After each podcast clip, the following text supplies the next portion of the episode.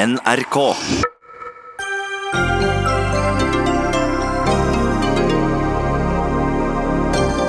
Fiskeriminister Geir Inge Sivertsen mottok etterlønn fra vervet som ordfører mens han var statssekretær. Hvordan mente han at det var juridisk og moralsk riktig? En vitenskapelig ansatt ved NTNU har drevet en fremmedfiendtlig Facebook-profil under falskt navn, ifølge Filter Nyheter. Er det forenlig med hans stilling som akademiker? Det blir vel folk av dem også, sier oljeservicegründer Ståle Kyllingstad om ungdomspolitikere som snakker om oljeindustrien. Nedlatende, ta oss på alvor, svarer AUF. Og Trondheim ber om å få ta imot barn fra Moria flyktningleir i Hellas. Det vil ikke regjeringa at de skal.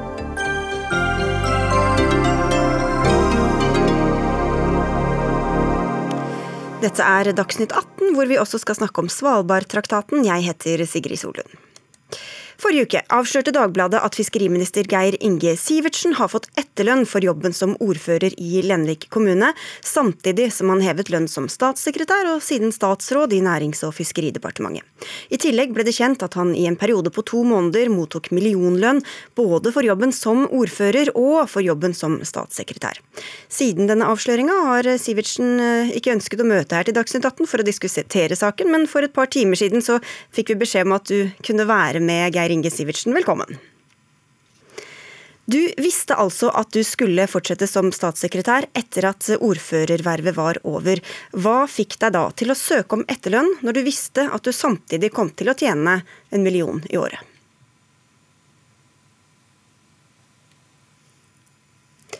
Ja, vi har litt problemer med lyden, så vi tror vi skal ta og prøve å fikse den før vi får inn eh, fiskeriministeren eh, igjen.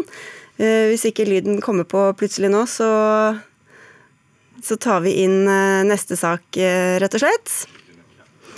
Vi kommer tilbake til, til, fiskeriministeren som skal snakke om denne doble lønnen og etterlønnen om litt, men vi går videre til en annen sak som også har preget nyhetsbildet.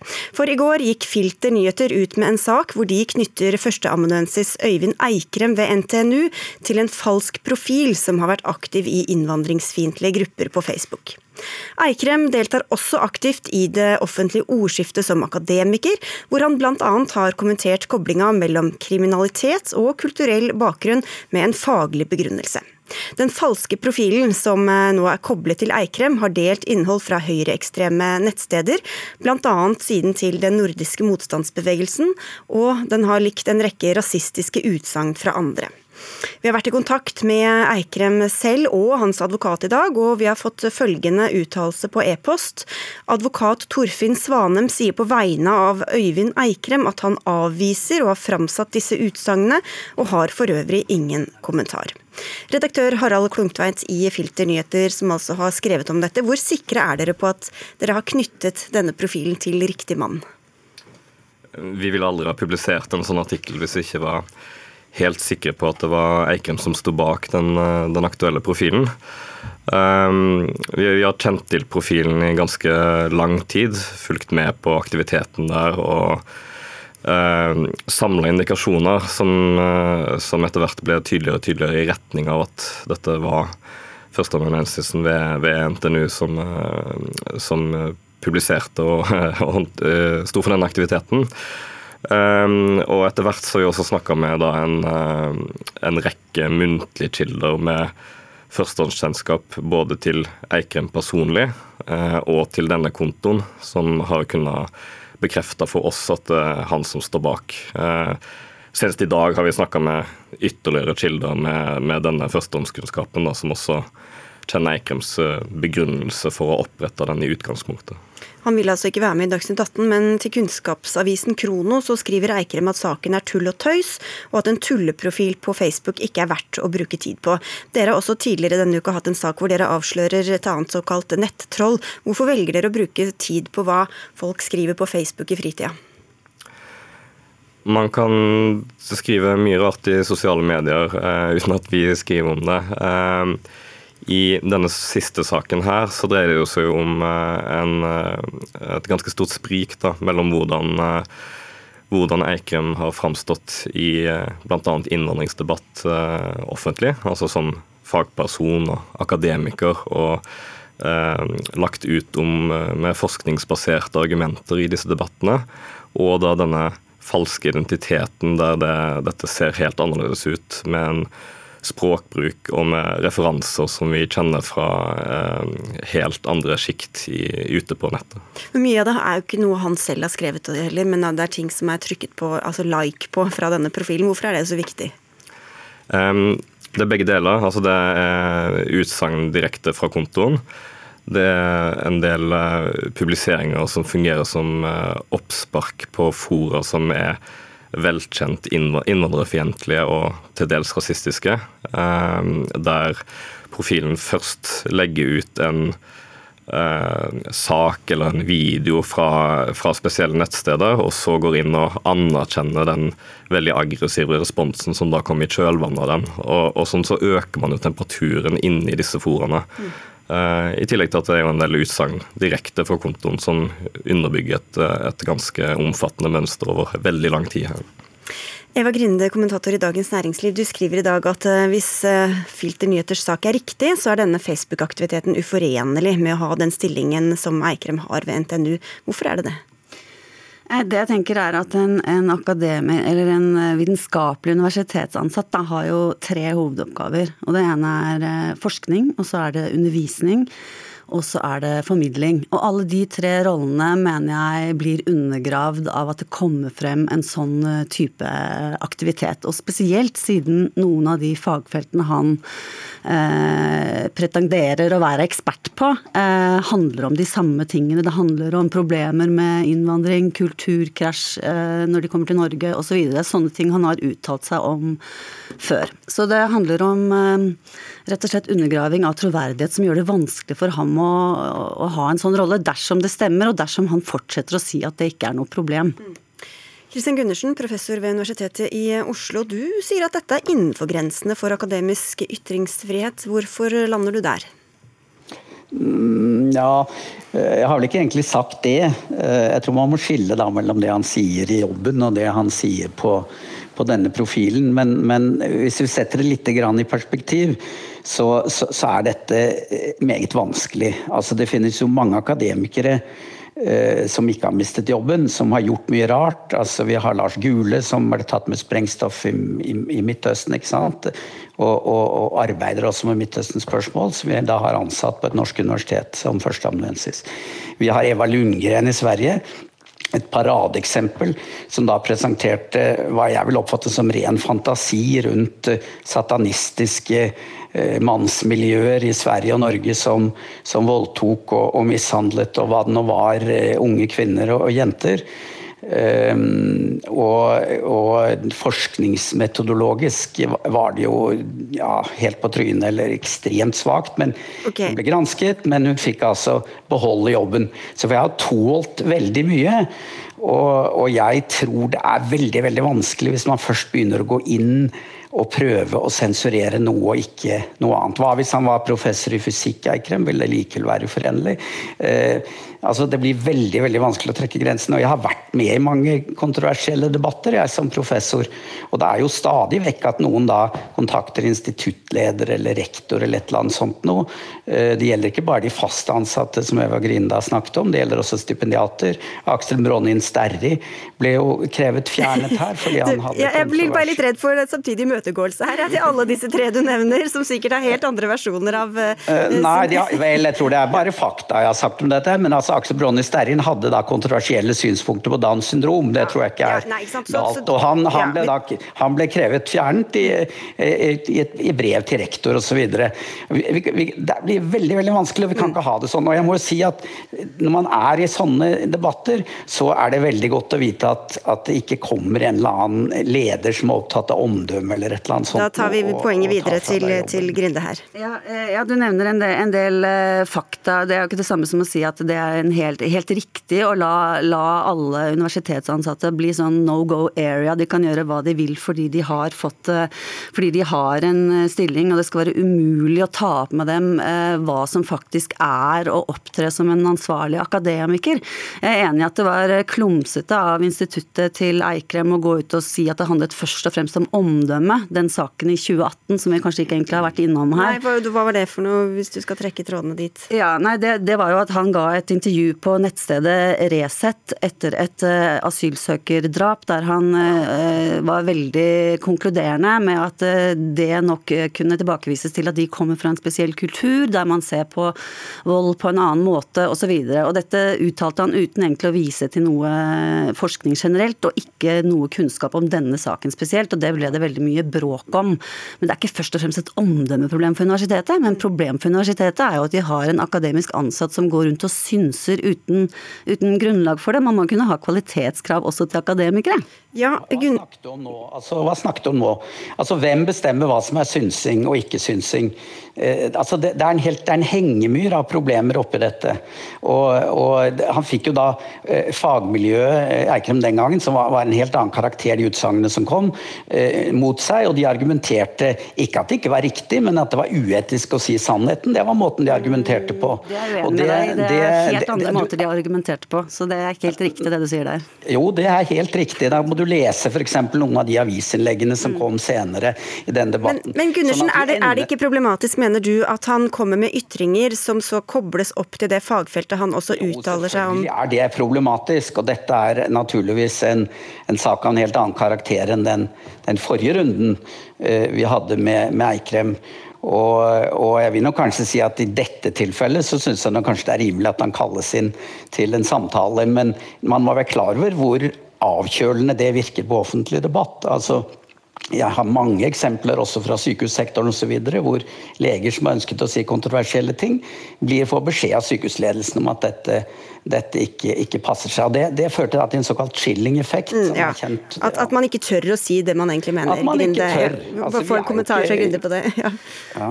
Ja, ja. nei, men kanskje man eh, skal tenke litt over den rollen man har i samfunnet. Han er jo en, en, en person som, som, vi er avhengig av å stole på. Eh, eh, jeg tror også at det kan være vanskelig å, å være student av Eikrem når, hvis dette stemmer og han fortsetter med det og det er en kjent sak. Sitte der som innvandrer til Norge Norge f.eks. Og, og, og tenke på hva skrev han på, på internett i nattens mulm og mørke. Det tror jeg er ødeleggende for eh, hans eh, troverdighet. Vi skal få inn også deg, advokat Jon Wessel-Aas, for du har akkurat faktisk skrevet et kapittel om de, de prinsipielle sidene ved ikke akkurat denne saken, men, eh, men sakskomplekset til en bok som kommer ut senere i år. Bare for å ta det først, de ytringene som Filter nyheter viser til, er de straffbare? Eh, jeg vegrer meg jo litt for å komme med sånne klare konklusjoner basert på Jeg har lest den artikkelen hos Filter Nyheter med en rekke skjermbilder av ytringer og, og andre ting. Um, det er muligens noen av de ytringene som kan ligge i gråsonen mot det som vil regnes som hatefulle ytringer. Men som vi som har fulgt med i det siste, hvor det har vært to saker oppe i Høyesterett, disse må tolkes i kontekst osv. Og derfor vegrer jeg meg med å konkludere på det. Men det som er litt viktig her, er at det er egentlig ikke avgjørende hvorvidt de ytringene, hvis det nå er hans ytringer, han har kommet med, er ulovlige eller ikke generelt. Det kan godt være sånn at en offentlig ansatt kan ha kommet med ulovlige ytringer som privatperson, og så er det helt irrelevant for arbeidsforholdet. altså På den måten at arbeidsgiver ikke kan beklage seg over det i det hele tatt. Pga. stillingen deres har det ingenting å si for. Mens det for en i en annen stilling så kan til og med en ytring som er lovlig for oss andre, være illojal overfor arbeidsgiver. Så bare for å ha sagt det, så er ikke det det vesentlige her. Mm. Uh, Kom til det vesentlige, da. nei, det, ja, det, nå mente jeg ikke å være arrogant, men dere har jo diskutert hvorvidt dette er noe arbeidsgiveren hans, NTNU, uh, kan og bør reagere på arbeidsrettslig.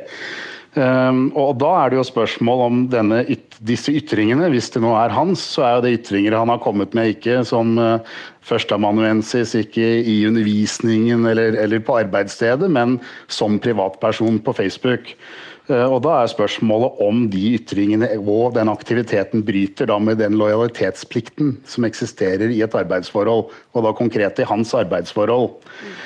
Uh, og, og da, er det, da, er det, da, da, er det, veldig viktig å, å huske på at det er, det er, stor forskjell på hva du gjør på arbeidsplassen og hva du gjør som privatperson.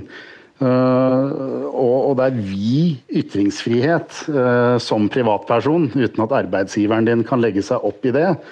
og det er ikke NTNUs omdømme som sådan det er spørsmål om her. At de syns det er ubehagelig å ha en ansatt som eventuelt har skrevet og gjort disse tingene. Det som må påvises, er at, at, at det er en åpenbar risiko for skade på NTNUs saklige og legitime interesser, som det heter. Og litt kort sagt, det må være, den aktiviteten og de ytringene må være helt uforenlig med den stillingen han har, for at man skal kunne reagere arbeidsrettslig. Mm. Okay. Og, det, ja, og det, det, tror jeg, det tror jeg ikke man skal konkludere med så lett her. Men det Å reagere arbeidsrettslig er jo å trekke det veldig langt veldig fort. Men det er klart at en ledelse eh, ved en arbeidsplass har, har, en, har en, rett til å ta opp problematiske forhold med sine, sine ansatte. Eh, sånn at eh, dette med lojalitetsplikten eller ikke Problemet oppstår jo hvis han undergraver sin egen troverdighet og autoritet i de oppgavene han skal utføre. Så, og det blir jo et, et problem også for ledelsen ved NTNU, uavhengig av omdømme. Og det må jo være opp til det. Men, men helt kort, Vesselås, at, at, han nå har også opptrådt under et pseudonym og ikke som seg selv, er det formildende eller skjerpende i denne saken? Ja, du, eh, strengt tatt så er det jo Kall det gjerne formildende. Fordi ved å gjøre det, så har han jo ikke koblet sin si, reelle person, eh, forskeren som er ansatt på NTNU, med denne aktiviteten. Så isolert sett så vil jeg jo si det. Men, men, men til, til, Grinde, jeg sier, ikke, jeg sier ikke at det er helt utenkelig at arbeidsgiver kan f.eks. ta en samtale, for nå er jo dette ut i det åpne. Eh, selv om altså, han benekter det, og det får vi jo forholde oss til foreløpig. Det er ingen tvil om at dette i de flestes øyne går utover hans troverdighet. Men, men, en annen sak er om det, om det, bryter sånn med det som kan kreves av en i en sånn stilling. Og i akademiske stillinger så er ytringsfriheten utrolig vid. Men det kan f.eks. være en samtale ja, du, som sier dette her kan du ikke fortsette med, du kan ikke ha okay. undervisningen Vi får se folk av ja. Om det blir noe etterspill. Tusen takk eh, til dere alle fire, Jon Wesselås advokat, til professor Christian Gundersen, kommentator Eva Grinde og redaktør Harald Konuktveit.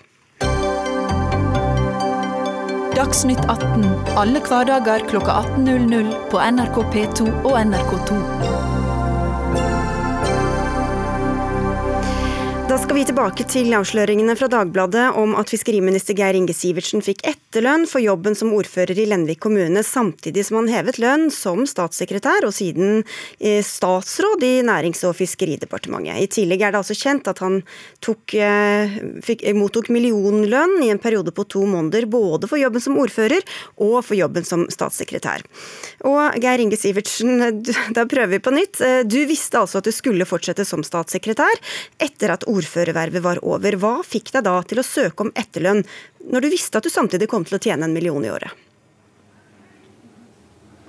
Eh, forhistorien var jo slik at det var fire ordførere som eh, skulle gå av pga. en kommunesammenslåing med virkning fra 1.1. For de eh, fire ordførerne så var det da avtalt et opplegg med etterlønn. Så i mellomtida så ble jo jeg utnevnt som statssekretær 4.11. i fjor.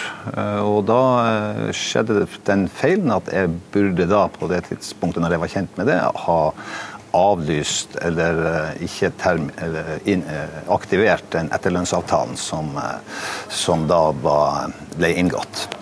Eh, og eh, Dessuten så er jo etterlønn heller ikke en dobbeltlønn, slik at eh, Gitt at den etterlønnsavtalen skulle fylles opp, så skulle den selvsagt vært avkorta krone for krone. Hvilket heller ikke ble gjort fra kommunens side. og Da ble det dobbelt feil. Kommuneloven sier helt klart at ettergodtgjøring skal avkortes krone for krone mot annen inntekt. Og Folkevalgte kan derfor ikke motta etterlønn om de skal videre en annen lønn. Så hvorfor søkte du, og mottok du den da? Ja, som Jeg sier, jeg skulle jo ikke ha søkt når det var kjent at jeg hadde eh, fått innvilga eller var utnevnt som statssekretær. Det ble helt feil. Og når det i tillegg ikke det ble avkorta kroner Nei, det var som sagt, dette var jo, den forhistorien var jo før jeg ble eh, statssekretær. Så var den etterlønnsavtalen eh, rigga til for de fire ordførerne. Og jeg, jeg unnlot da å, å ikke terminere eller stoppe den etterlønnsavtalen som da var inngått. Og så ble det dobbelt feil når man Hvorfor gjorde du ikke det, da, mitt spørsmål.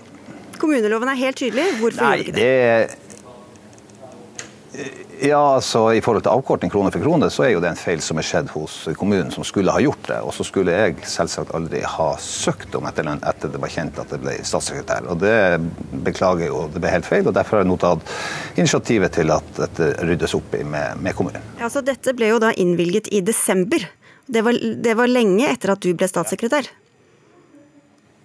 Det er korrekt. Så på, Mellom det tidspunktet 4.11, når jeg ble utnevnt, og fram til den behandlinga, så burde jeg ha sørga for at den inngått etterlønnsavtalen ble stoppa og ikke aktivert. Og Det ble helt feil, og derfor har jeg nå tatt initiativet til at det ryddes opp i. Det samme kommunebudsjettet som du altså måtte prioritere til eh, barn og gamle, eh, gikk altså til, altså til befolkningen i Lenvik kommune, gikk til å betale deg full lønn i to måneder samtidig som du fikk full lønn fra regjeringa. Hvordan hadde du samvittighet til det? Nei, Nei det, er annen, det, er en annen, problemstilling. I mellom 4.11. og ut året så hadde jeg var, var jeg både statssekretær og ordfører i Lenvik, nettopp fordi at sammenslåingskommunene skulle sitte ut året. Så snakka man om en etterlønnsavtale som skulle gjelde fra 1.1 og 1 12 måned. Og den burde jeg ha terminert når, jeg, når, det ble kjent at jeg ble statssekretær. Det gjorde jeg ikke, og det ble feil, og derfor har jeg nå tatt initiativet til at den skal annulleres. Ja, vi snakker om to ting. Det er en etterlønn som du fikk samtidig som du var statssekretær, ja. og det er en dobbel lønn som du fikk i to måneder, altså samtidig som du var ordfører og statssekretær i departementet. Nå sier din statsråd på dette tidspunktet, Torbjørn Risaksen til NRK, at han ikke visste at du også hevet ordførerlønn i disse to månedene. Hvorfor opplyste du ikke statsråden om det?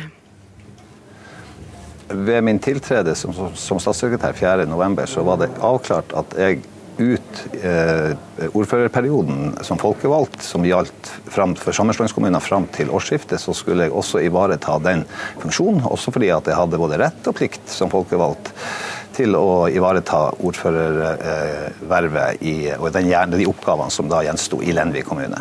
Ja, men Han sier at han ikke visste, han visste om rollen, men han visste ikke at du mottok dobbel lønn. Så hvorfor informerte du ikke om det?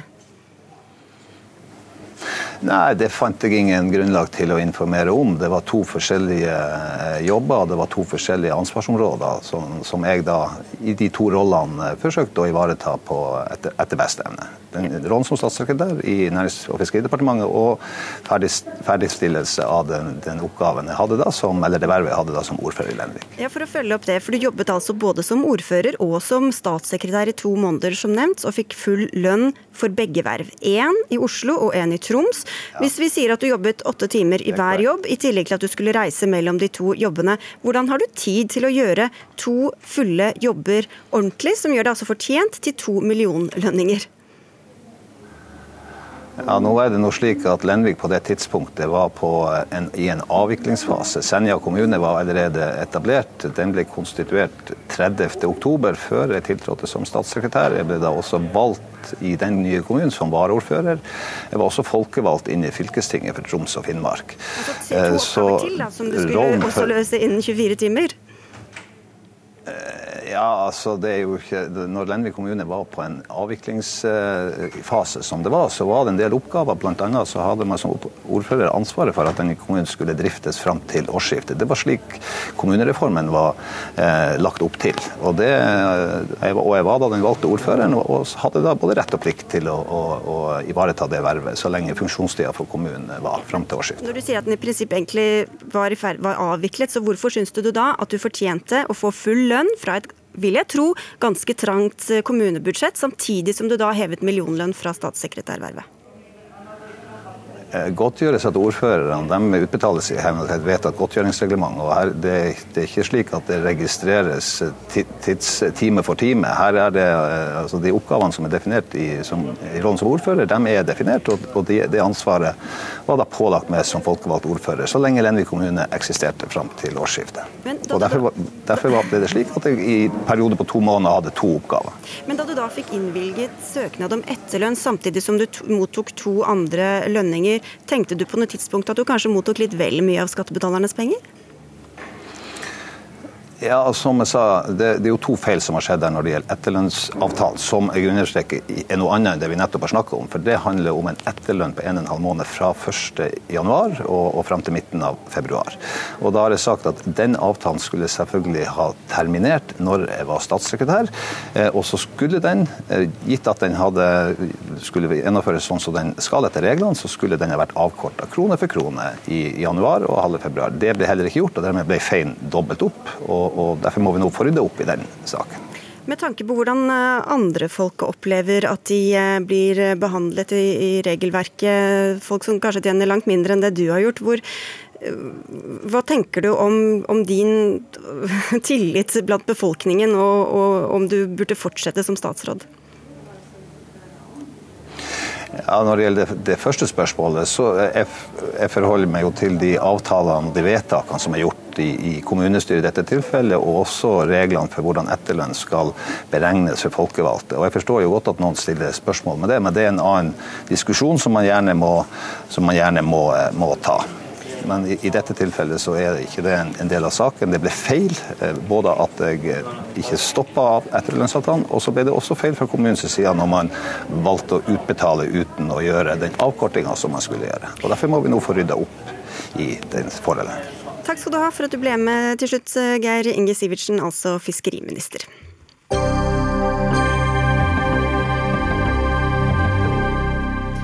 Snart skal vi diskutere skjermbruk i skolen her i Dagsnytt 18, men før det til et uh, sitat. Det er noe veldig skremmende ved det jeg hører fra nesten alle ungdomspartiene. De synes å være mot vår bransje alle som én. Bransjen er olje- og gassbransjen, og mannen bak uttalelsene er oljeservicegründer Ståle Kyllingstad, som ble intervjuet av Dagens Næringsliv. Nei, Næringsliv. Kyllingstad følger opp med å si at han trøster seg med at det blir folk av de fleste til slutt, som da Jens Stoltenberg gikk fra å være Nato-motstander mens han var AUF-leder, leder til å bli generalsekretær i den samme alliansen. Vi skal høre fra Kyllingstad selv straks, men først til reaksjonene fra bl.a. dere i AUF, hvor du er nestleder Astrid Villa eh, Eide HM. Eh, hva mener du er det underliggende budskapet her? Altså, Måten man debatterer på her er ganske nedlatende. og Vi møter gjerne Kyllingstad til å diskutere oljepolitikk og hvordan vi skal ha en grønn omstilling. Men eh, jeg syns ikke det er en fin måte å kaste ut karakteristikker på. og Han får det egentlig ut til å høres ut som vi unge er naive, når realiteten er at det er mye mer naivt å ikke skjønne at vi er nødt til å omstille oss, og at det må skje raskere enn mange tenker. Også. Så det er realisme i å ville omstille seg, og det burde også Kyllingstad. Men Er det så rart at den som har jobbet årevis i bransjen, eh, reagerer på at mange unge uten den samme erfaringa ønsker å avvikle den samme bransjen? Altså Det er vi som skal leve i den framtida hvor hvis vi ikke klarer å løse klimakrisa, så kommer vi til å se mer ekstremvær. Vi kommer til å leve på en annen type planet. Eh, så så klart er det naturlig at vi også har en stemme i den debatten her, og det mener jeg også at Kyllingstad bare burde ha satt pris på. Ståle Kyllingstad, altså konsernsjef i IKM-gruppen, en leverandør til olje- og offshoreindustrien. Du er med oss fra Stavanger. og ja. Dette med at du ble skremt av eh, norske politikere, og særlig ungdomspolitikere, hva er det som skremmer deg? For det første så vil jeg bare slå fast med en gang at jeg har et grunnsyn som sier at alder er ingen kvalifikasjon. Det betyr at både unge og gamle har rett til å mene og skal mene. Og Jeg setter stor pris på at de gjør det. Det som gjør meg skremt, er at vi så fort eh, bestemmer en sluttdato på vår industri. Eh, det er jo en kjensgjerning at OPEC sparer ca. produksjon tilsvarende det som Norge produserer. Så Hvis vi hadde stengt ned vår industri, så ville altså CO2-utslippene i verden økt. Derimot er jeg helt enig i vi må debattere dette. Vi er, vår industri bruker mellom 50 og 100 milliarder kroner fram mot 2030 for å ta ned våre footprint, våre CO2-utslipp. Og det er på de 5% som kommer fra produksjon. Mm. Det er jo forbruket som er problemet. Det er 95 da. Men du, vi, må, vi, må, til litt, fordi det var noen av, flere av sitatene som vakte litt oppsikt her. For du sier altså, som jeg nevnte, at det blir folk av de fleste til slutt. Hva legger du i det egentlig? Det, jeg sa der at Jens Stoltenberg, som for meg er en svært stor politiker, en av de største i Norge de siste 20 åra, har altså skifta totalt standpunkt. Og Jeg går ut ifra han har gjort det på basis av kunnskap og, og, og, mer informasjon. Jeg tror jo ennå at da, så lenge OPEC sparer tilsvarende norsk produksjon, så hjelper det ikke å kutte i Norge. Det vi må debattere, og som vi har kommet veldig godt i gang med i Norge, det er hvordan skal vi få ned vår spor når vi produserer olje. Og I tillegg så må vi bruke mer penger penger på følgene av og bruk av hydrokarboner, som vi tross alt har produsert. Og okay. Det må vi gjøre med CCS. Ja, Så dere mangler bare litt informasjon, HM? Det er helt uenig. Vi vet at vi må kutte halvparten av verdens klimagassutslipp i løpet av det neste tiåret. Vi vet at to tredjedeler av olja er nødt til å ligge under bakken, og da må Norge være med på å ta sitt internasjonale ansvar. Og De siste tre årene så har vi delt ut flere oljelisenser enn noen gang før. Altså Det er helt klart at Norge, som det rike landet vi er, vi har kapital, vi har kompetanse til å omstille oss, vi er nødt til å gå i front. Og det er ingen tvil om at hvis vi ikke klarer det, så er det også vi unge som blir sittende med ansvaret. Så her må vi kutte en del de neste kommende årene. Skjønner du, Kyllings, at det høres litt ut som du sier at eh, når de blir voksne, så tar de til fornuften og blir mer positivt innstilt til eh, olje- og gassbransjen? Jeg, jeg, du får tolke det som du vil. Sånn som jeg mener å si det, der det viser at kunnskap gjør at folk av og til skifter et standpunkt. Mitt standpunkt er jo Men hvilken motsatt. kunnskap er det du mener de mangler om, om olje og gass? Kunnskapen om at uh, f.eks. hvis vi stenger ned vår produksjon, så vil OPEC erstatte den med sin sparte produksjon. Det er ganske dramatisk. De har det doble av vår CO2-utslipp per fat produsert olje. Og jeg ønsker rett og slett at vi, jeg er helt enig med Astrid. Vi skal ta ned våre spor, òg i forbindelse med produksjon. Vi skal bruke 50-100 milliarder på å gjøre det de neste årene. Vi skal stille opp etter klima Parisavtalen og FN sine avtaler. Og det jobber vi beinhardt med. Du kan alltid si at vi kunne gjort mer, men det er det budskapet vi har, og det jobber vi beinhardt mot, mange av oss. Det er jo to grunner til at vi i AUF pusher såpass på, på at vi ønsker å kutte ned i norsk oljeindustri. Det ene er jo klimakrisa, og det andre er jo lønnsomhet. Vi vet jo at lønnsomheten kommer til å gå ned. og Da skal vi jo bare stille oss spørsmålet skal vi i Norge stå bakerst i rekka og tenke at vi ikke skal være i front i den konkurransen, eller skal vi være det?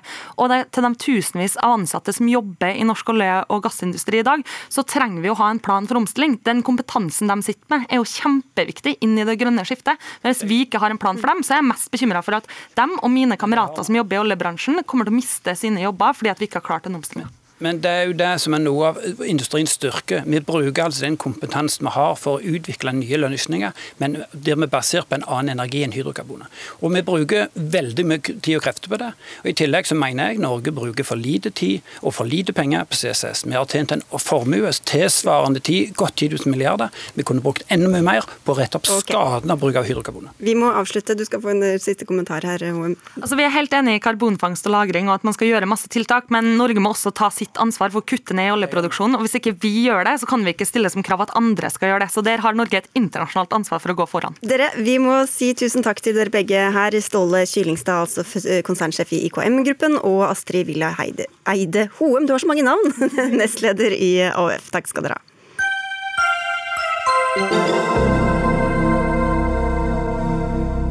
Russland hevder at Norge bryter Svalbardtraktaten. Det er russisk eh, UD som mener at norske myndigheter bryter vilkårene for den viktige avtalen, som altså garanterer norsk suverenitet over Svalbard.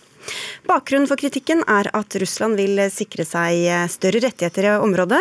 Svalbardtraktaten, som ble underskrevet i 1920, ga norsk suverenitet over øygruppa i Arktis. Men Sven Holsmark, professor ved Institutt for forsvarsstudier, gi oss en liten ekstra innføring i denne traktaten og hva den sier. Å oh ja, nei, da kommer jeg til å ta, ta veldig, veldig mye tid her. Uh, nei, for jeg, jeg tror kanskje heller jeg skal kommentere det som ble sagt her. Eh, når jeg hører nøyaktig hva russerne sier eh, Det ble sagt i går at Norge i praksis eh, bryter traktaten. Og Dermed antyder man egentlig at Norge egentlig ikke bryter traktaten, noe jo russerne er fullstendig klar over. Traktaten gir jo Norge helt udiskutabel suverenitet over Svalbard, noe som senest ble understreket fra russisk side i går. Eh, og samtidig så gir den eh, eh, den forplikter Norge til å gi like rettigheter til traktatmaktene, deriblant Russland. Hva, hva, ligger i det, egentlig? Jo, Det, det ligger i at f.eks. norske borgere eller norske firmaer ikke skal nyte, eller, eller noen lands firmaer skal nyte noen former for særrettigheter på Svalbard. Og det er klart at i det øyeblikk uh, Russland f.eks., eller som nå, da, antyder at de skal ha egne samtaler med Norge, da møter de seg selv i døren. For det vil i seg selv være et brudd på likebehandlingsprinsippet. Jan Espen Kruse, korrespondent i Moskva. Hva er det nøyaktig russerne mener at Norge mm, gjør som bryter ved, ved traktaten? Ja, Det er nok forskjellige ting. Russerne tenker nok framover. Eh, ifølge russiske medier så er det snakk om at eh, olje- og gassvirksomhet på sokkelen eh, rundt Svalbard er interessant for, eh, for, russiske firmaer i de eh, årene som eh, kommer. det er snakk om fiskeriene, som russerne gjerne vil ha en større del av i, i havområdet rundt Svalbard. Og så er det begrensninger de irriterer seg på når det gjelder miljøhensyn på, på øyene. Men denne Svalbardtraktaten gir jo da alle de landene som har signert på den, lik rett til å drive næringsvirksomhet eh, på land på Svalbard. Men så er jo det store diskusjonsspørsmålet hva med havområdet rundt? Eh, der hevder norske myndigheter at eh, de har fulle rettigheter til å bestemme hva som skal skje der, mens Russland helt åpenbart mener at når man har rett til å drive på land, så bør man også ha rett til å drive drive sin virksomhet til havs rundt øyene. Og Der står nå diskusjonen. Men uh, utenriksminister Lavrov fremmet den samme kritikken uh, et brev, i et brev til norske utenriksministeren uh, 3.2. Hva er det som er nytt nå ved den siste runden? Ja, Det som er nytt, er jo at eh, nå sier det russiske utenriksdepartementet offisielt at eh, Norge bryter eh, bestemmelsene i Svalbardtraktaten. Det har ikke blitt sagt før. Tidligere i brevet fra Lavrov så ble det framsatt et ønske om at man skulle ha tosidige samtaler med Norge for å løse disse problemene man sier fra russisk side bare blir større og større ettersom tiden går. Men karakteristikken om å bryte bryte eh, den er helt ny nå. Uh, nei, jeg tror nok ikke det er helt riktig. For det første så var uh, ordene var valgt med omhu.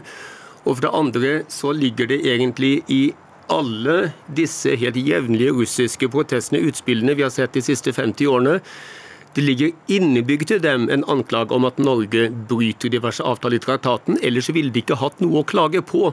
Så her sier jeg ser absolutt ingenting nytt, bortsett fra at dette eh, utspillet kommer offentlig. Mm. Um, Audun Halvorsen, statssekretær i Utenriksdepartementet, hva svarer dere på denne kritikken om at Norge bryter traktaten? Nei, det, altså, det, er jo ikke riktig at Norge bryter Svalbardtraktaten. Uh, all norsk regulering og lovgivning på Svalbard er uh, helt i tråd med våre folkerettslige forpliktelser, uh, inkludert Svalbardtraktaten.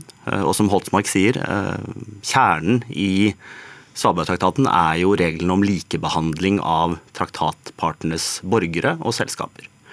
Og Det betyr at eh, nøyaktig de samme reguleringene, det samme rammeverket, eh, eventuelt de samme begrensningene av miljøhensyn f.eks., gjelder for eh, norske borgere og selskaper, for russiske borgere og selskaper og for alle andre traktatparters borgere og selskaper.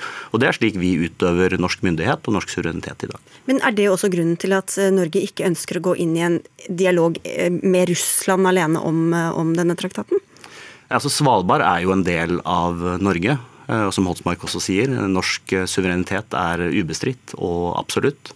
Og vi diskuterer jo ikke med andre land hvordan vi eh, vedtar lover eller utøver norsk myndighet i noen del av Norge. Ikke på Svalbard, ikke i Troms og Finnmark, og ikke på Majorstua for den saks skyld. Jeg tror altså, Det siste poenget der er litt viktig. fordi at det er ikke slik at det er bare, Svalbard, bare på Svalbard at Norge er begrenset av internasjonale avtaler. Det gjelder i, på Fastlands-Norge, det gjelder EU-lovgivning etc. etc.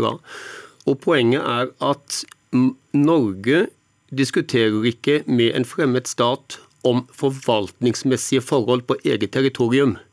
Slik er det bare. Har, har og, det, og, det, og, det, vet russerne. Ja, hva er det de egentlig prøver å oppnå her, da? Nei, som sagt, dette er et spill som har pågått uh, i 50 år pluss. Uh, russerne vil minne den norske regjeringen om at de bør så å si ta hensyn til dem.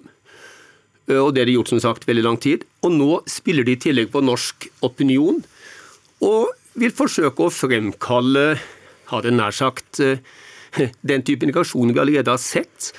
Nemlig at disse, dette utspillet dramatiseres det, det, det, impliseres at her er suvereniteten truet etc. Må eh, avtalen reforhandles? Ingenting av dette ligger i det russiske utspillet, men det oppstår lett i norsk debatt. Da går vi til Jan Espen Kruse igjen i Moskva. Ja, det er jo eh, naturligvis sånn at norske myndigheter de kjemper med nebb og klør for norske interesser. Og det gjør man jo når det gjelder eh, Svalbard. Eh, det er jo derfor dette, disse utspillene fra Russland systematisk blir avvist fra norsk side. Men det som nå en gang er tilfellet, er at Russland har forsterket sin kritikk. Jeg følger med på russiske medier her som har hatt veldig mye stoff om eh, Svalbard den siste tiden. Og eh, hvor det pekes på dette med oljevirksomheten, hvor det pekes på dette med fiskeripolitikken. Eh, og det er vel ikke så mange av de andre landene som har undertegnet Svalbardtraktaten, som er enig i at Norge har opprettet en fiskerivernsone rundt Svalbard, og som også er enig i at Norge har full suverenitet på havområdet utenfor. Det er i hvert fall ting som diskuteres ganske heftig, selv om man fra norsk side naturligvis ikke ønsker at disse temaene skal komme så veldig langt opp i offentligheten. Okay. Nå er det jo slik at Svalbardtraktaten gjelder på landterritoriet på Svalbard og til dels i territorialfarvann, altså inn ut til 12 nautiske mil. Det er jo ikke slik at Svalbardtraktaten gjelder på kontinentalsokkelen f.eks., eller i fiskevernsonen. Hvor det jo er andre deler av havretten og kyststatens jurisdiksjon som er de relevante folkerettslige mekanismene. Og Det betyr jo også at det man gjør fra norsk side knyttet til, til myndighetsutøvelse og forvaltning utenfor, ikke omfattes av det samme likebehandlingsprinsippet. Men jeg vil si, det vi ser er jo at i det daglige, i, det praktiske, i den praktiske forvaltningen av Svalbard, så fungerer jo forholdet og dialogen godt. Aktørene forholder seg langt på vei til norske regler og, og reguleringer. Og det er også i praksis lever de opp til forpliktelser. Så dere blir ikke bekymra over at Russland sier at dette formørker det tosidige forholdet mellom Russland og Norge? Nei, altså I substans så er det lite nytt i utspillet fra russiske myndigheter. Og som sagt, vi opplever at vi har et velfungerende og avklart forhold til Russland. Nei, jeg tenkte bare for en gangs skyld for å være litt uenig med, med, med Halvorsen her. Det er helt riktig som Kruse sier, at det er øh, omstridt øh, hva som er dekningsområdet for traktaten. Norge mener at den stopper ved territorialgrensen, andre mener at den ikke gjør det. Så der er man uenig med veldig mange. Ja. Og den er altså... ordlyden i traktaten, så er det ganske klart. Fyller altså 100 år i år. Takk skal dere ha alle tre for at dere var med. Sven Holsmark fra Institutt for forsvarsstudier, statssekretær Audun Halvorsen og vår egen Jan Espen Kruse. Hør Dagsnytt 18 når du vil. Radio NRK Radio.nrk.no.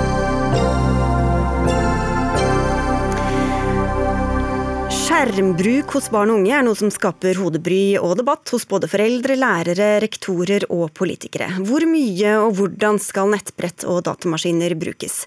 I Stavanger har de valgt å gjøre PC-er til de minste mindre tilgjengelig enn de var før. Rødt driver med digital rensing av Stavangerskolen, skrev Venstres Guri Melby, som snart skal få slippe til. Men først til deg, Mimir Kristiansson, bystyrerepresentant i Stavanger for nettopp Rødt. Er det dette dere driver med? Digital rensing av skolen? På ingen måte. Det vi har gjort, det er noe så utrolig lite radikalt som å si at elevene i Stavanger-skolen får ikke hver sin personlige Chromebook før de blir ni-ti år gamle. Det er ikke alle som har helt inne hva det er for noe. Det er en form for PC. Det får de altså nå ikke fra de er fem-seks år, det får de fra de er ni og ti. De har derimot tilgang til klassesett på skolen, men det er slutt på at kommunen skal sende med alle fem- og seksåringer en PC hjem, uansett om foreldrene vil det eller ikke. Det skjer først fra de er ni-ti år gamle. Og dette utrolig moderate sidesteget, egentlig, som det er, det har jo da fått eh, Venstre til å reagere og tenne på alle pluggene og beskylde oss omtrent for å drive med folkemord på digital teknologi, og det syns vi er rimelig spesielt. da. Vi skal se det. Guri Melby, du så jo relativt rolig ut, men du sitter altså på Stortinget for Venstre. Hvor, drastiske er disse grepene egentlig de har tatt i Stavanger? Jeg vil bare si at De vedtakene er ikke nødvendigvis veldig drastiske, eh, selv om det er et skritt tilbake. De har vedtatt mindre dekning av Chromebook eller PC, da, som vi kan si. Og De har også vedtatt at det skal utredes et forbud mot mobiltelefoner. Eh, men jeg har vel egentlig reagert mer på ordbruken eh, til både Kristiansson og andre av de rød-grønne politikerne i Stavanger, som har snakka om at skjermbruk er skadelig, og at vi må begrense bruken av skjerm og at det her kan gå utover barna våre. Og jeg er veldig redd for at det her skal bidra til å snu en positiv utvikling jeg mener vi har hatt i norsk skole de siste årene. For jeg mener at veldig mange skoler de siste årene har vært veldig flinke til å ta i bruk digitale verktøy på en god måte. Senest på tirsdag så var jeg på Revheim skole i Stavanger, som har laga et eget fag med IKT, programmering og teknologi og samfunn.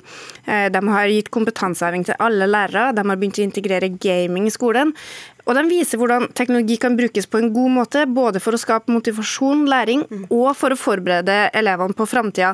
Så jeg mener at Mimir og de andre politikerne i flertallet i Stavanger bidrar til å spre en teknologifrykt, som er det siste vi trenger i skolen. Ja, for Dette kom jo ikke ut av ingenting, Kristiansson, men uh, også ble satt i sammenheng med ting du har skrevet om dette før. For egentlig skulle vel du ønske at dere gikk mye mer drastisk til verks i skolen? går i alle fall et uh, første steg nå, så får vi se hvor langt vi kan gå. Men uh, jeg, det er ikke noe Rødt eller andre rød-grønne politikere hevder at eh, skjermbruk kan være skadelig for barn. Det er helt klart at overdreven skjermbruk er skadelig for barn. Det vil enhver ekspert eh, fortelle. Og Så er spørsmålet hvordan fungerer skolen i møte med dette? Og Da tror jo vi at det å bruke digital teknologi på skolen, det er vi for. Så Derfor har alle elever i Stavanger klassesett med Chromebooks, altså PC, på skolen fra første klasse. Men det er ikke lenger sånn at fem- og seksåringer får med en PC hjem. Og Guri Melby kommer jo fra et uh, parti som ynder å kalle seg liberalt, men jeg syns det er rimelig lite liberalt at en kommune skal tvinge alle familier til å ha en PC fra Google Google i hjemmet fra ungene er fem-seks år gamle, uansett om foreldrene ønsker det eller ikke. Én ting er på skolen, men det handler altså om hvordan bruk av skjerm unger skal ha i hjemmet sitt. og Da tror vi ikke at det er bra at skolen bidrar til å presse unger til å være mer på skjerm. Altså, For det første så skulle jeg gjerne likt å visst hvilke eksperter Kristiansson og hans uh, kompanjonger lener seg på. Uh, av det jeg har sett, så viser dere bl.a. til en Dagbladet-artikkel. Uh, og stort sett så er jo forskere veldig forsiktige med å kunne si noe om både hva man kan definere som overdreven skjermbruk. Vi kan ta, komme tilbake men til dette liberale eller illiberale sporet altså, som det, altså, jeg mener jo Det som er aller mest problematisk, er jo at det politiske flertallet faktisk vedtar at skjermbruken skal begrenses i skolen. For jeg mener at det her er noe som lærere og rektorer er best i stand til å vurdere sjøl.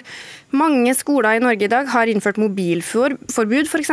Det kan godt hende at det er smart, men jeg tror at det vedtaket kan gjøres på den enkelte skole, og ikke av et politisk flertall. Og så er det heller ikke sånn at det finnes et politisk flertall i Stavanger som noen gang har vedtatt at alle er nødt til å ta med seg en Chromebook hjem. Det er en praktisk ordning som er valgt på den enkelte skole, men det er jo selvsagt ikke nødvendig å gjøre det på den måten. Men det her tror jeg skolene kan finne ut av. Jeg har prøvd å finne litt forskning, og det er vanskelig. Altså, det er ikke forsket så veldig mye på. og Det er mange lærere og rektorer som mener at de får en god og bedre spesialtilpasset læring gjennom digitale hjelpemidler. Samtidig som du sier Kristiansson, at folk advarer mot den totale skjermmengden kan bli for stor. Men hvis det da er sånn at den totale mengden blir for stor, hvorfor skal du begrense den mengden som faktisk gir læring til barna, som skjer på skolen, og ikke den i hjemmene? Men vi skal jo ikke begrense det som skjer på skolen. Alle unger i Stavanger-skolen har tilgang til PC på skolen. Det vi begrenser er når er det de får med seg en PC hjem. Og unger som er fem, seks, syv, åtte år gamle Men du har vel også tatt til orde for mindre skjermbruk også i skolen? Ja, Vi har tatt til orde for mindre skjermbruk i skolen, og derfor har vi gjort et vedtak som sier at vi nå ikke sender med folk hjem. Men lærerne i Stavanger har tilgang på PC klassesett når de trenger det i undervisningen, og så har de full pedagogisk frihet. Det kan verken jeg eller Guri Melby legge, oss opp i. Men når man hører på det Guri Melby sier, så er det jo flere ting hun sier som er feil. For det første så er det jo ikke riktig det at vi har begrensa eh, tilgangen på skjerm i skolen. Vi har da begrensa tilgangen på skjerm i hjemmet, som er betalt av kommunen kommunen. Det andre som Guri Melby sier er feil, er at det var jo et politisk vedtak i utgangspunktet. Enten skolene ville det eller ikke, enten lærerne ville det ikke, enten foreldrene ville det eller ikke, eller rektorene ville det eller ikke, så fikk alle barn med seg en Chromebook hjem, vedtatt bl.a. av Guri Melbys parti Venstre. Det var et ovenfra og ned-vedtak foretatt av Stavanger kommunestyre, og nå gjør vi et nytt vedtak der vi gjør om på det og sier at den praksisen begynner først og fremst fra 5. klasse. Det er ikke mer eller mindre overstyring noen av delene. Altså, det er jo ingen tvil om at når det blir færre PC-er og færre skjermer i skolen, så blir det mindre bruk av Men Er du enig at det ikke var noe mer overstyring de, de Nei, det, det, er jeg faktisk helt uenig i. Men altså uh, jeg jobba som lærer sjøl, og jeg vet at det er en utrolig mye høyere terskel å hente en PC som ligger låst inn i et skap i gangen som et klassesett, og som du kanskje må booke på forhånd, sammenlignet med at eh, elevene har hver sin egen Chromebook som de er godt kjent med, som de kan gjøre lekser på, som de kan jobbe med på ulike måter. Så det er ingen tvil om at det vedtaket vil begrense bruk av skjerm i Stavanger-skolen, og det har jo også Kristiansson vært veldig tydelig på at det er hensikten med det. Og den praktiske ordninga om elevene tar med seg hjem eller ikke, det mener jeg at skolen må finne ut av i dialog med foreldrene. Det trenger ikke vi å vedta oss ut av. Men det som bl.a. Revheim skole nå var redd for da, med dette vedtaket, er jo at de ikke får oppdatert sine Chromebooks. Og det betyr jo at de elevene som ikke har tilgang på denne type verktøy hjem, får um, dårligere mulighet til å utvikle sine teknologiske ferdigheter. og Dermed skaper vi et teknisk klasseskille som vi ikke ønsker. Og dere er jo ellers veldig opptatt av sosial utjevning, Kristiansson. Eh, ja, vi er det. Og vi mener jo at i framtida tror vi klasseskillet kommer til å gå mellom de ungene som har foreldre som setter grenser for skjermbruk, og de ungene som ikke har det. Vi vet allerede at på skolene til tech sjefen i Silicon Valley, er det skjermfritt. Og Det er fordi at de vet hva slags skadevirkninger overdreven skjermbruk kan føre til for barn. Så når vi tror at skolen har en rolle å spille i å ikke på en måte pushe for mye skjerm på barna, og ikke okay. pushe for mye skjerm på familien. Hva vil du begrense det? Altså, poenget er at skolen er nødt til å forberede barna våre på framtida. I framtida så trenger vi unger som behersker teknologiske verktøy, og da skal det ikke være avhengig av hva slags heim du kommer fra. Takk skal dere ha, begge to. Mimmi Kristiansson fra Rødt og Guri Melby fra Venstre. Takk Takk skal dere ha.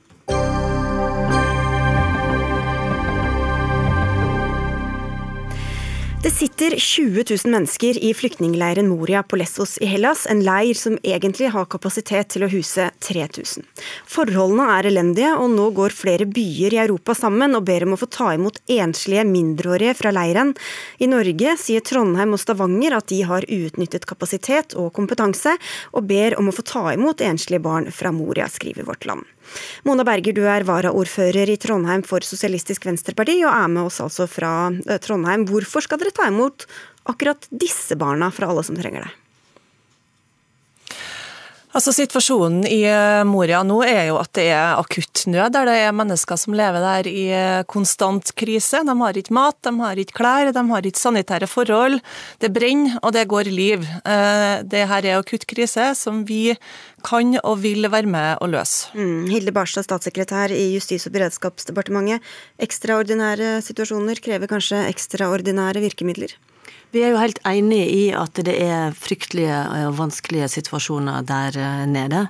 Eh, og det som vi er opptatt av, det er at vi er nødt til å finne gode, breie løsninger som kan håndtere dette på litt lang sikt, og ikke bare enkeltstående tilfeller. Så for oss er det avgjørende at vi finner gode, breie løsninger i Europa, og jobber jo tett eh, med europeiske land for å få til slike løsninger. Men hvor godt har det hjulpet så langt, da, på de barna som sitter der nede i de forholdene? Det er klart at det fremdeles er vanskelig for deg der. Det vi gjør mer spesifikt, det er at vi innenfor EØS-arbeidet nå bevilger en ganske stor sum med penger, opp mot ca. 350 millioner kroner, for å hjelpe greske myndigheter til å håndtere akkurat denne situasjonen. Men, men, samarbeid og penger har vi snakket om i et halvt års tid. så hvor mye, altså Dette er jo akutte problemer vi snakker om i, i denne leiren. Hvor godt har det hjulpet til nå? Det som vi fremdeles må holde fast på, er at hvis vi skal løse sånne store utfordringer som dette, så er vi nødt til å jobbe sammen med flere land for å få til eh, dette på en god måte. For en del år siden så hadde vi en slik eh, felleseuropeisk eh, løsning, og det er viktig at vi klarer å få det til nå òg. Ja, hva hjelper det egentlig Berger å hente noen barn fra Moria til, til Trondheim når situasjonen er så uh, stor og krisen så uh, omfattende? Nei, Det er jo naturligvis sånn at, eh, at det her krever, eh, som blir sagt her, eh, langsiktige felleseuropeiske løsninger. Men aller først så kreves det akutt handling. og det som er tydelig, er jo at regjeringa åpenbart ikke greier å ta inn over seg at det går an å gjøre flere ting samtidig. Det er en akutt situasjon som krever akutte løsninger. Og vi løser kanskje ikke problemet på systemnivå med å ta imot flere enslige mindreårige flyktninger til Trondheim, men det gjør vi heller ikke ved å la dem bli der. Så vi kan, hvis vi vil, løse krisa for la oss si 150 barn. Det er verdt noe. Ja, men Hvordan skal dere løse det innen det systemet vi har i dag, med asylsøkere på den ene siden og kvoteflyktninger på den andre siden? Disse er jo egentlig ingen av altså, delene. Vi i Trond Nei. altså vi er jo blitt, altså FNs høykommissær har jo bedt europeiske regjeringer om å ta imot enslige mindreårige barn og andre sårbare mennesker. Og Vi syns jo det er fortvilende og pinlig rett og slett å se på at den norske regjeringa står i veien for at vi skal kunne hjelpe og avvise denne forespørselen. Eh, helt konkret så mener jeg at Norge har blitt bedt om å ta imot 150 enslige mindreårige. Til sammenligning så tok vi i 2016 i Trondheim alene imot 123 unger. I fjor så tok vi bare imot ni, så det er helt åpenbart at vi har kapasitet til å kunne ta imot flere. I tillegg så har vi også et fagfelt som er veldig positivt til å ta imot flere, som selv har vært ute i avisa og utfordra regjeringa på å få lov å være med og bidra i denne krisa. Ja, men det er vel ikke et jobbtiltak, det her? Nei, nei, Nei, nei, men- det det er det ikke. Nei, jeg vil jo i og for seg berømme Trondheim kommune, som har vært flinke til å ta imot flyktninger og bosette dem. Og jeg syns jeg setter pris på det engasjementet. Det som òg er viktig for denne regjeringa, det er jo at vi følger opp eh, eh, asylinstituttet og tar inn kvoteflyktninger. Og Det er òg viktig å huske på at de som kommer inn gjennom den ordningen, er de som har et klart beskyttelsesbehov. Jeg syns òg det er viktig å understreke at det òg er barn der som òg er i en vanskelig situasjon. Og eh, de, de, Vi jobber jo nå veldig systematisk med å klare å få eh, fatta disse vedtakene og få de til Norge som har et avklart eh, behov Men kan man ikke gjøre begge deler, da? Ta en sånn eh, ekstra pott, for å si det sånn, med barn som sitter i Moria alene, og som vel antagelig ville fått det ganske mye bedre i Trondheim eller Stavanger? Da må vi igjen fastholde at skal vi finne gode løsninger på dette, som både hjelper de som sitter i leirene, som hjelper den store, tunge, vanskelige flyktningsituasjonen som vi har i Europa, så må vi samarbeide med andre land. Det er det eneste som vil være bærekraftig. Men Betyr det at Norge, Norge gjør det hvis andre land gjør det? Er det sånn det fungerer? Eh, Dersom vi finner eh, gode eh, felleseuropeiske løsninger på det, så er Norge innstilt på å være med på å følge dette opp videre. Men Berger, til dette med, altså Det sitter jo barn og voksne som allerede er plukket ut av FN, og som har fått sin sak eh, gjennomgått og, og prøvd. Hvorfor, hvordan vet du at de har det bedre enn de som sitter i Moria-leiren, som dere ønsker å hente? Nei, det kan jeg jo umulig vite, men jeg mener at det er ikke noe vanskelig å se at den situasjonen som er i Moria er helt prekær og helt spesiell, og at det der kreves akutte tiltak. Eh, Og det har jo vært mange medieoppslag om det her nå, og vi er godt opplyst om hvordan situasjonen er. Så jeg tenker det å si, peke på dem og si at her er det faktisk helt nødvendig at vi gjør noe akutt, det tenker jeg er helt innafor. Nå er det, som jeg eh, sa, så har vi akkurat bevilga en ganske stor sum som skal gå til greske myndigheter. og det Midlene skal først og fremst gå til sårbare grupper og til enslige mindreårige og arbeide med dem. Neste uke sånn så skal jeg til eh, Hellas for å snakke med greske myndigheter, sånn at vi er sikre på at de pengene blir brukt på en riktig og målretta måte.